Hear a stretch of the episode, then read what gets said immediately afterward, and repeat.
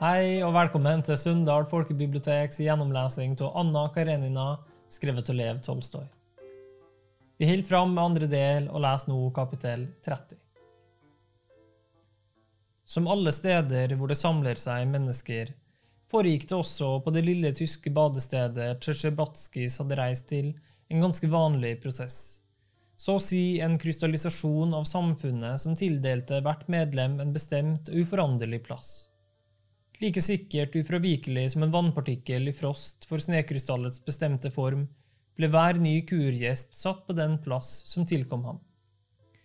Fyrst Tsjesjebatskij samt Gemalin Untorta ble øyeblikkelig utkrystallisert på sin faste og forutbestemte plass, både efter den leilighet de leiet, efter sitt navn og efter de bekjente de fant.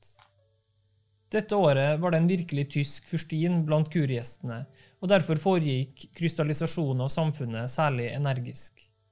Fyrstinne Tsjetsjebatskaja ville absolutt forestille sin datter for den tyske fyrstinnen, og hun utførte denne seremonien alt dagen etter at de var kommet. Kitty neiet dypt og grasiøst i sin meget enkle, dvs. Si meget elegante pariserkjole. Fyrstinnen sa jeg håper rosene snart vil vende tilbake til dette søte, lille ansiktet. Og straks var det lagt opp et fast livsmønster for Tsjetsjerbatskijs som det ikke kunne komme ut av mer. Tsjetsjerbatskijs ble kjent både med familien til en engelsk lady, med en tysk grevinne og hennes sønn som var blitt såret i siste krig, med en svensk vitenskapsmann og med monsieur Cany og hans søster. Men uten at de egentlig ønsket det, kom Tsjetsjerbatskijs omgang hovedsakelig til å bestå av en dame fra Moskva. Marja Jevgenjevna Retitsjeva og hennes datter, som Kitty ikke likte fordi hun var blitt syk på samme måte som henne, av kjærlighet. Dessuten av en oberst fra Moskva som Kitty hadde sett og kjent i uniform og epauletter fra hun var liten, og som nå var ualminnelig komisk med sine små øyne og åpne hals, med et spraglete halsbind, og dessuten kjedelig fordi han var umulig å bli kvitt. Da alt dette hadde festnet seg, ble alt så trist for Kitty, for fyrsten var attpåtil reist til Karlsbad, og hun var alene igjen med moren. De menneskene hun kjente, interesserte henne ikke, for hun følte at de aldri ville kunne by henne noe nytt. Det som nå opptok henne mest her på badestedet, var å studere dem hun ikke kjente, og komme med gjetninger om dem. Kittys karakter var slik at hun bestandig trodde det aller beste om folk, og da særlig om dem hun ikke kjente. Og nå gjettet hun på hvem som var hvem, hvilket forhold de sto i til hverandre, og hva slags mennesker de var, og Kitty så for seg de merkeligste og skjønneste karakterer, og det hun så, styrket henne i denne troen. Av slike mennesker var det særlig en russisk pike som opptok henne. Hun var kommet til kurstedet sammen med en syk russisk dame, Madame Stahl, som alle kalte henne. Madame Stahl hørte til de aller høyeste samfunnslag, men hun var så syk at hun ikke kunne gå, og bare en sjelden gang på særlig fine dager kom hun til kurbadet i en liten vogn. Men det var ikke så mye sykdommens skyld som stolthetens, forklarte fyrstinnen, at hun ikke var blitt kjent med noen av russerne. Den russiske piken pleiet Madame Stahl, og Kitty la dessuten merke til at hun søkte sammen med de alvorlige syke, som det var mange av på badestedet, og stelte for dem på den naturligste måte av verden. Så vidt Kitty kunne se, var ikke denne russiske piken noen slektning av Madame Stahl, og heller ikke noen leietihjelp. Madame Stahl kalte henne Varenka, de andre Mademoiselle Varenka. Naturligvis var Kitty svært interessert i å studere forholdet mellom denne piken og Madame Stahl og alle de andre hun ikke kjente, men dessuten følte Kitty, slik det ofte skjer, en uforklarlig sympati for denne Mademoiselle Varenka, og av blikkene de vekslet, følte hun at den andre også likte henne. Man kan ikke akkurat si at mademoiselle Barenka var over sin første ungdom. Hun var snarere like som et vesen uten ungdom. Man kunne gjette både på 19 og på 30 år. Så man nøyere på ansiktstrekkene, vil man finne at hun snarere var pen enn stygg, til tross for den usunne ansiktsfarven. Hun ville hatt en vakker legemsbygning, hadde hun bare ikke vært så mager, og hadde bare ikke hodet passet så dårlig til hennes middels høyde. Men hun kunne ikke være særlig tiltrekkende for menn. Hun lignet en vakker blomst, som nok hadde alle kronbladene i behold, men som var vissen og uten duft. Dessuten kunne hun ikke være tiltrekkende for menn fordi hun manglet det som fantes i så altfor rikt mål hos Kitty. et ulmende liv og vissheten om ens egen inntagende ynde. Det så alltid ut som hun var opptatt med et arbeid hvis berettigelse var hevet over enhver tvil, og derfor så det heller ikke ut som noe annet kunne interessere henne. Denne motsetningen til henne selv gjorde at Kitty følte seg særlig tiltrukket av Verenka. Kitty følte at i henne, i hennes livsførsel, ville hun finne forbildet for det hun selv søkte med slik en smerte. Et interessant liv, et verdig liv, utenfor sosieteten med dens motbydelige forhold mellom ungpiker og menn, som nå sto for henne som en vanærende utstilling av varer som ventet på kjøpere. Jo mer Kitty iakttok sin ukjente venninne, jo sikrere ble hun på at denne piken var nettopp det fullkomne vesen hun forestilte seg, og jo sterkere ble ønsket om å gjøre hennes bekjentskap. De to pikene møttes flere ganger hver dag, og hver gang sa Kittys øyne, Hvem er de? Hva er de? De er det fortryllende vesenet jeg innbiller meg, ikke sant? Men tro for Guds skyld ikke, la blikket hennes til, at jeg noensinne ville klenge meg inn på dem. Jeg er bare så glad for å se dem, og så glad i dem. Jeg er også glad i dem, og de er riktig, riktig søt, og jeg ville vært enda mer glad i dem om jeg bare hadde hatt tid, svarte blikket fra den ukjente piken. Og Kitty så virkelig at hun bestandig var opptatt. Enten fulgte hun barna til en russisk familie bort fra badet, kom et pledd til en syk dame og tullet henne inn i det, forsøkte å blidgjøre en irritert badegjest, eller bestilte og kjøpte kaffe og kaker til en eller annen.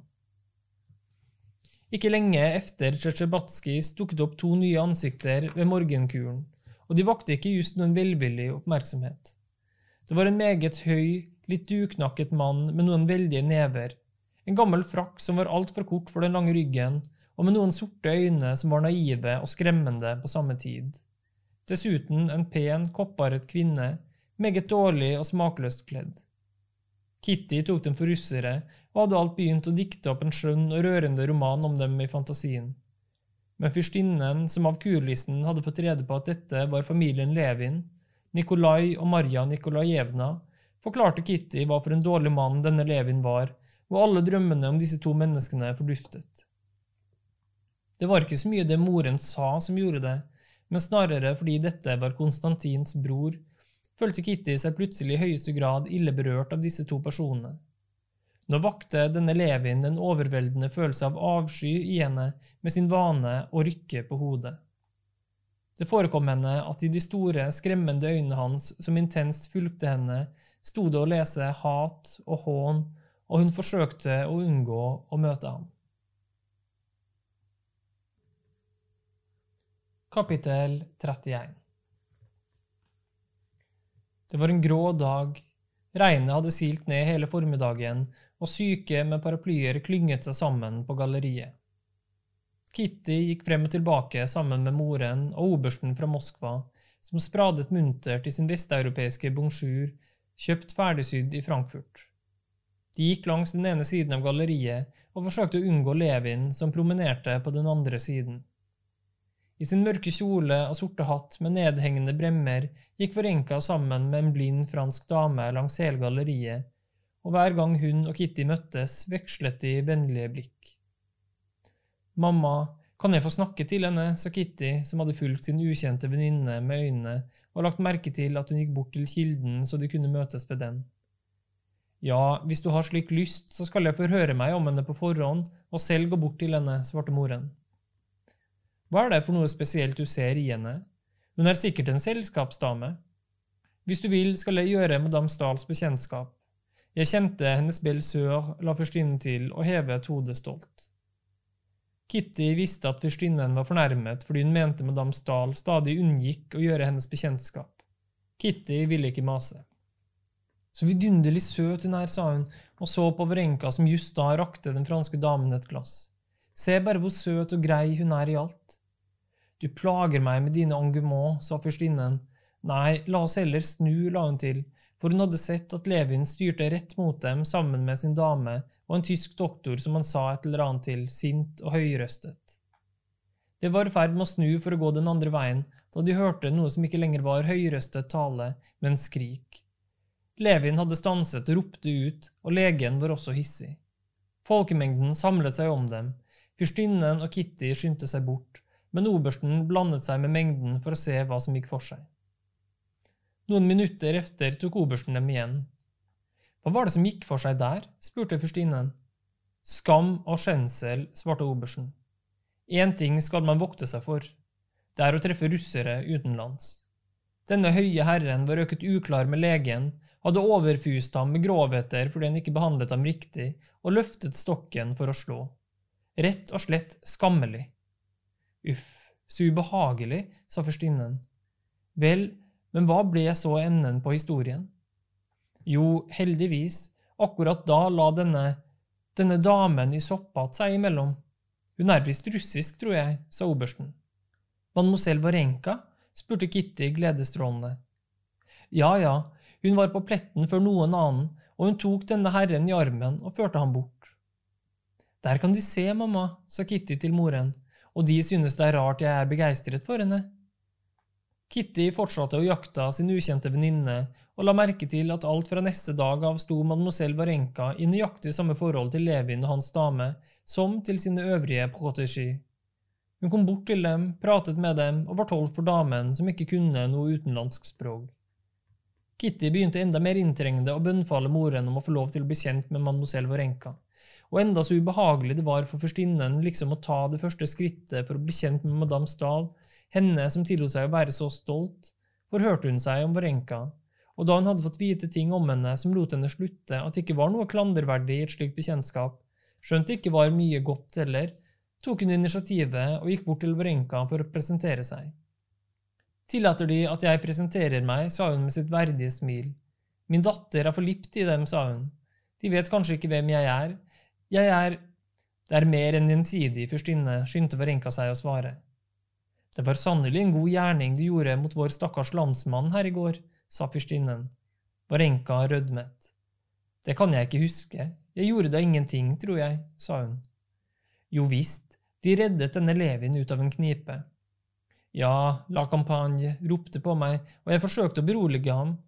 Han er meget syk og var misfornøyd med legen, og jeg er jo vant til å ta meg av syke. Ja, jeg har hørt at de bor i Mentaux sammen med deres tante, tror jeg, madame Stahl. Jeg kjenner hennes belle sør. Nei, hun er ikke min tante. Jeg kaller henne mammaen, men jeg er ikke i slekt med henne. Jeg er oppdratt hos henne, svarte Berenka og rødmet på ny. Dette ble sagt så greit, og det ærlige og åpne ansiktsuttrykket hennes var så søtt at fyrstinnen forsto hvorfor hennes egen Kitty var blitt glad i denne Varenka. Nå, hvordan går det så med denne Levin? spurte fyrstinnen. Han reiser, svarte Varenka.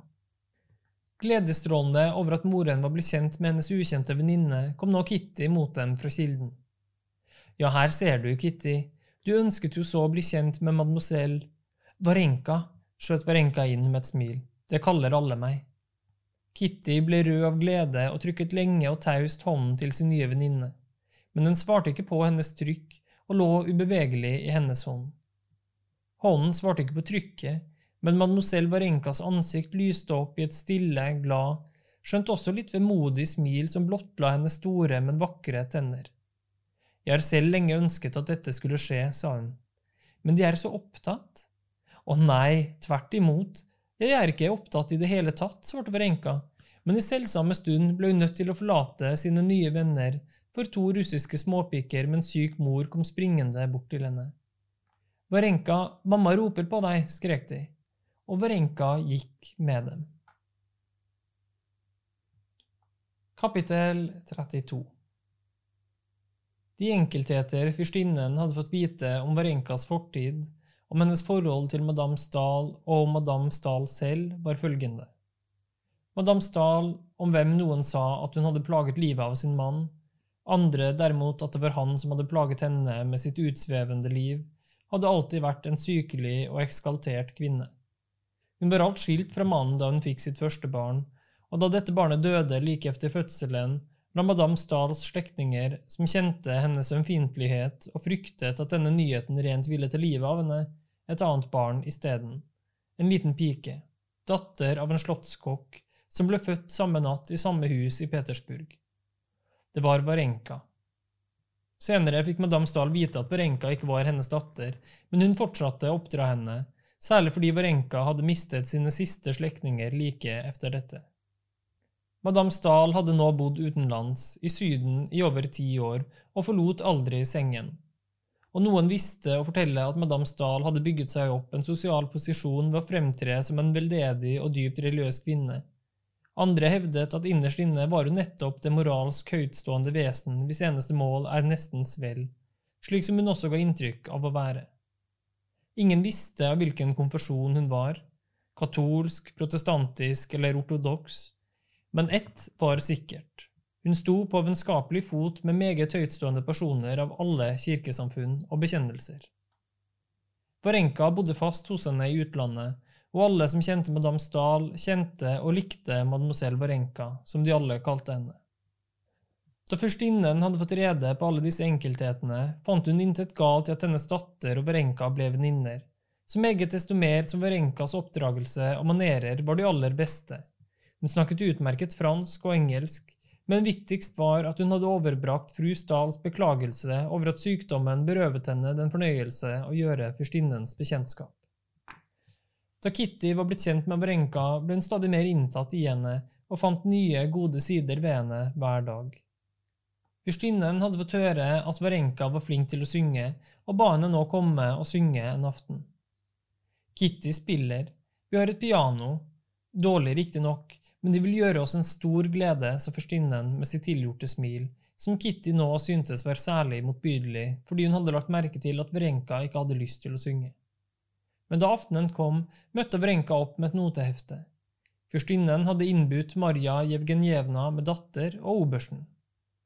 Varenka syntes slett ikke å bry seg om at det var ukjente til stede, og gikk rett bort til pianoet. Hun kunne ikke akkompagnere seg selv, men sang utmerket fra bladet. Kitty, som var flink til å spille, akkompagnerte. De har et usedvanlig talent, sa fyrstinnen da Varenka hadde sunget det første stykket meget godt. Marja Jevgenjevna og datteren takket og roste henne. Obersten så ut av vinduet. Se, sa han, for et publikum som har samlet seg for å høre dem. Det har virkelig samlet seg en temmelig stor mengde under vinduene. Jeg er meget glad over å kunne glede dem, svarte Varenka like frem. Kitty så stolt på sin venninne. Hun var begeistret både over sangen hennes, stemmen og ansiktet hennes, men fremfor alt var hun begeistret over hennes måte å føre seg på. Dette at Varenka øyensynlig slett ingen tanker hadde om sin egen sang, og forholdt seg fullstendig likegyldig til ros. Det var som hun bare spurte, skal det synge mer, eller greier det seg? Hvis det hadde vært meg, tenkte Kitty, så stolt jeg ville ha vært da, så glad jeg ville ha blitt over å se denne mengden under vinduene, men hun er helt like glad. Det eneste som driver henne, er ønsket om ikke å si nei, ønsket om å glede mammaen. Hva er det som skjuler seg i henne? Hva er det som gir henne denne kraften til å frakte alt, til å være så trygg og rolig? Som jeg skulle ønske jeg kunne lære det av henne, tenkte Kitty mens hun fortapte seg i dette rolige ansiktet. Fyrstinnen ba Vrenka synge mer, og Vrenka sang neste sang like sikkert, klart og godt, mens hun sto rank ved pianoet og slo takten på det med sin magre, mørke hånd. Det følgende stykket i heftet var en italiensk sang. Kitty spilte klaverforspillet og så opp på Vrenka. La oss springe over den, sa Vrenka og rødmet. Kitty festet sine skremte, spørrende øyne på Vrenkas ansikt. Vel, så tar vi en annen, sa hun fort. Hun hadde straks forstått at denne sangen sto i forbindelse med et eller annet, og ville bla om. Nei, svarte Varenka, la hånden på notene og smilte. Nei, la oss synge denne, og hun sang den like rolig, kjølig og godt som de andre. Da hun var ferdig, kom alle og takket henne igjen, for så å gå og drikke te. Kitty og Vrenka gikk ut i den vesle haven ved huset. Ikke sant, det er et minne forbundet med den sangen, sa Kitty. De skal ikke fortelle, skyndte hun seg å tilføye, svar meg bare, er det ikke sant? Nei, hvorfor det? Jeg skal fortelle det, sa Vrenka like frem, og uten å vente på svar fortsatte hun. Jo, det er et minne, og det var i sin tid tungt for meg. Jeg elsket en mann, og det stykket sang jeg for ham. Med store, vidåpne øyne så Kitty taus og henført på Brenka. Jeg elsket ham, og han elsket meg, men hans mor var imot det, og han giftet seg med en annen. Nå bor han ikke så langt fra oss, og jeg ser ham av og til. De hadde vel ikke trodd at jeg også hadde min roman, sa hun, og i det vakre ansiktet hennes glimtet så vidt den flammen Kitty følte en gang hadde kastet sitt skinn over hele henne. Hvorfor skulle jeg ikke tro det? Hadde jeg vært mann, ville jeg ikke ha kunnet elske noen annen når jeg var blitt kjent med dem. Jeg kan bare ikke begripe hvordan han for å gjøre moren til laks kunne glemme dem og gjøre dem ulykkelig. Han kunne ikke ha noe hjerte. Og jo, han er en meget god mann, og jeg er ikke ulykkelig. Tvert om, jeg er meget lykkelig. Nå skal vi ikke synge mer i dag, la hun til og ville gå mot huset.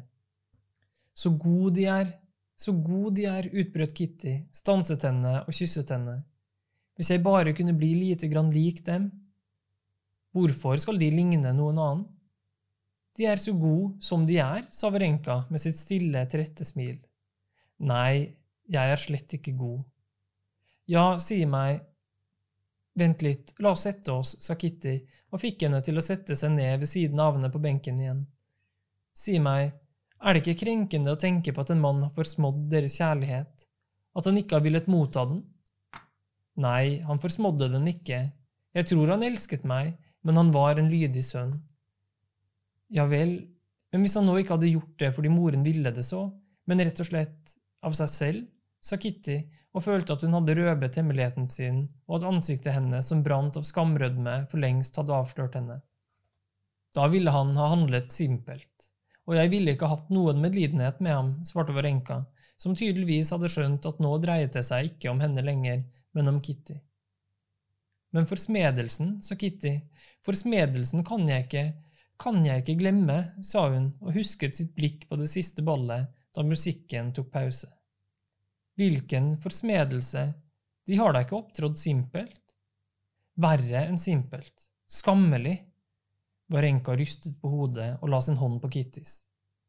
Hvorfor skammelig, sa hun. De kunne da ikke si til en mann som ikke var ganske likegyldig overfor dem, at de elsket ham? Naturligvis ikke, jeg har aldri sagt et eneste ord, men han visste det. Nei, nei, det finnes blikk, det finnes bevegelser, jeg kan leve i hundre år, jeg glemmer det ikke. Hvordan det? Jeg forstår ikke. Hovedsaken er, elsker de ham nå eller ikke, sa Vrenka, som nevnte tingene ved deres rette navn. Jeg hater ham, jeg kan ikke tilgi meg selv. Hvordan det? Skammen, forsmedelsen. Nei, tenk om alle hadde vært like ømfintlige som de, sa Vrenka. Det finnes ikke den pike som ikke har opplevd det samme og alt dette har jo så lite å bety. Men hva er det som betyr noe, da? spurte Kitty og så henne i øynene med nysgjerrig forundring. Å, det er så mye, det, sa Varenka med et smil. Ja, men hva? Å, det er mye som betyr mer, svarte Varenka, hun visste ikke hva hun skulle si, men nå hørte de førstinnens stemme fra et vindu. Kitty, det er kjølig, enten får du ta på deg et sjal, eller så må du komme inn. Ja, det er sant, jeg må av sted, sa Verenka og reiste seg. Jeg har igjen å besøke madame Berth, hun har bedt meg komme.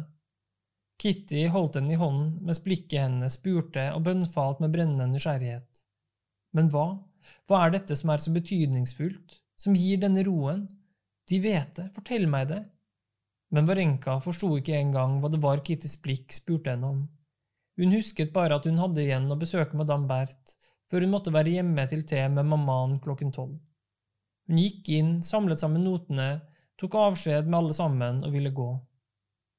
Tillat meg å følge dem, sa obersten. Hvordan kan de tenke på å gå alene om kvelden, istemte fyrstinnen. Jeg skal sende Parasha med, i alle fall. Kitty så at Verenka bare med nød holdt tilbake et smil da man hevdet at hun trengte følge. Nei, jeg går bestandig alene, og det hender meg aldri noe, sa hun og tok katten og efter å ha kysset Kitty nok en gang, men uten å si hva som betydde noe, tok hun notene under armen og forsvant i sommernattens halvmørke med raske skritt. Og med seg tok hun hemmeligheten om hva som hadde noe å bety, og som ga henne denne misunnelsesverdige roen og verdigheten. Takk for oppmerksomheten. Oppleser var Torgeir Brun. Podkasten er produsert av Sunndal folkebibliotek ved Torgeir Brun. Det prosjektet her er støtta av Nasjonalbiblioteket, og takk til Gyllendal Norsk Forlag for bruk av deres oversettelse.